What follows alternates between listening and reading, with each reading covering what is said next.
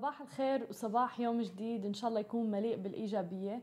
معكم أنا هالة من Smashi TV. واليوم بأخبارنا الصباحية أكيد رح نبدأ بآخر مستجدات فيروس كورونا بالمنطقة. بالنسبة للأردن الجيش الأردني منتشر بجميع مداخل المدينة للحد من انتشار فيروس كورونا. حيث وصل عدد الحالات بالأردن ل 84 حالة sorry 48 حالة وأعلن العاهل الأردني آه، ووقع مرسوم ملكي لفرض حالة الطوارئ لمواجهة فيروس كورونا. أما بالبحرين فتم الإعلان عن إعفاء المنشآت السياحية من الرسوم لثلاث أشهر اعتبارا من أبريل. والسلطات البحرينية رح تغطي فواتير الكهرباء للأفراد والشركات لثلاث أشهر. أما عن مصر فأعلنت عن 30 إصابة وحالتين وفاة. وعمان عم تغلق جميع المحلات بالمجمعات التجارية باستثناء المحلات الغذائية والصيدليات حيث وصل عدد حالات الإصابة فيها ل 33 حالة. وأما حالات الشفاء 12 حالة بعمان. أما بدولة الإمارات فتم تسجيل 15 حالة إصابة جديدة والعدد الإجمالي للإصابات 113 حالة. وحالات الشفاء بدولة الإمارات حتى هي اللحظة 26 حالة شفاء. آه مثل ما شفنا كمان بدولة الإمارات بكل مولات ماجد الفطيم تم آه تعديل الساعات فصارت آه من الساعة 12 ظهر للساعة 8 مساء لتقليل آه، والحد من انتشار آه، فيروس كورونا. أما الحكومة الفلسطينية فأعلنت عن تسجيل ثلاث إصابات جديدة بفيروس كورونا ليرتفع عدد حالات الإصابة فيها ل 44 حالة. وارتفع عدد الإصابات بالسعودية ل 38 إصابة جديدة يوم أمس آه، بفيروس كورونا. ليوصل عدد إجمالي المصابين 171 حالة إصابة بالسعودية. ولذلك أعلنت وزارة الموارد البشرية والتنمية الاجتماعية في المملكة العربية السعودية عن تعليق حضور العاملين بالقطاع الخاص للمقرات الرئيسية لمدة 15 يوم وتفعيل إجراءات العمل عن بعد آه، عدا طبعا القطاعات الحيوية مثل مثلا قطاعات البنية التحتية الإنفراستراكتر الحساسة مثل الكهرباء والمياه والاتصالات.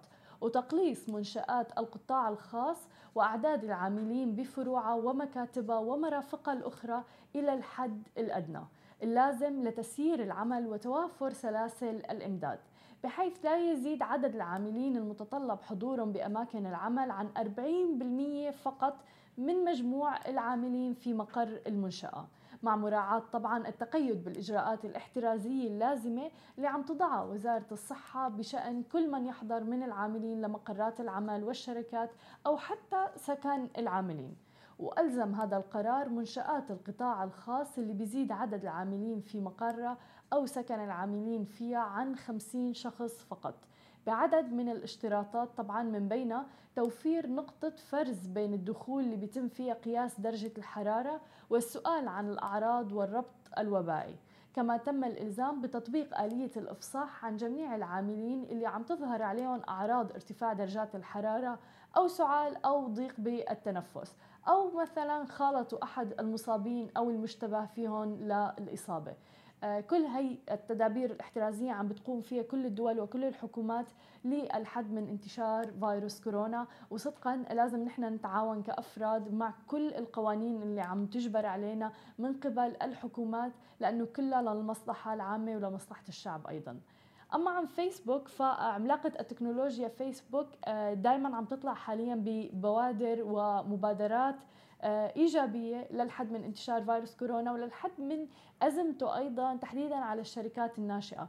ويمكن لأنه فيسبوك بلشت بانها شركة ناشئة آه، وهلأ أصبحت عملاقة التكنولوجيا فيمكن بتحس بوجع الشركات بظل الأزمة الاقتصادية اللي عم بيمروا فيها حاليا. فأعلنت شركة فيسبوك عن إنشاء برامج منح بقيمة 100 مليون دولار لمساعدة 30 ألف شركة صغيرة حول العالم. بصورة قروض وخدمات إعلانية للشركات الصغيرة المتضررة من انتشار فيروس كورونا المستجد. وعم بقدم البرنامج دعم حيوي لمساعدة الشركات والأعمال التجارية الصغيرة حتى تتمكن من مواصلة نشاطها التجاري واستمرار قدرتهم على دفع رواتب الموظفين. ورح تبدأ شركة فيسبوك العمل مع الشركات المستهدفة بأكثر من 30 دولة بتنشط فيها أعمالهم. وأضافت أنه رح تكشف عن المزيد من التفاصيل عن الخطة لما بتتوفر الخطة بشكل كام كامل. ورح تبدأ آه، تلقي طلبات الحصول على المساعدة خلال الأسابيع المقبلة. وبيذكر أنه جزء من النموذج الاقتصادي لشركة فيسبوك أصبح موقع لمساعدة الشركات الأصغر بالتواصل مع عملائها.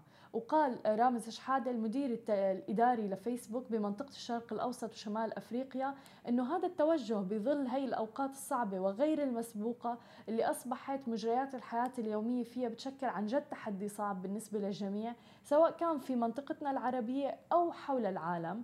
وأوضح أنه هي التدابير الاحترازية اللي عم بيتم فرضها للحفاظ على صحة وسلامة الجميع بمجتمعاتنا عم بتضيف مزيد من التحدي على الشركات الصغيرة بمنطقتنا واللي بتعد صدقا شريان لحياة الاقتصاد بمجتمعاتنا حاليا.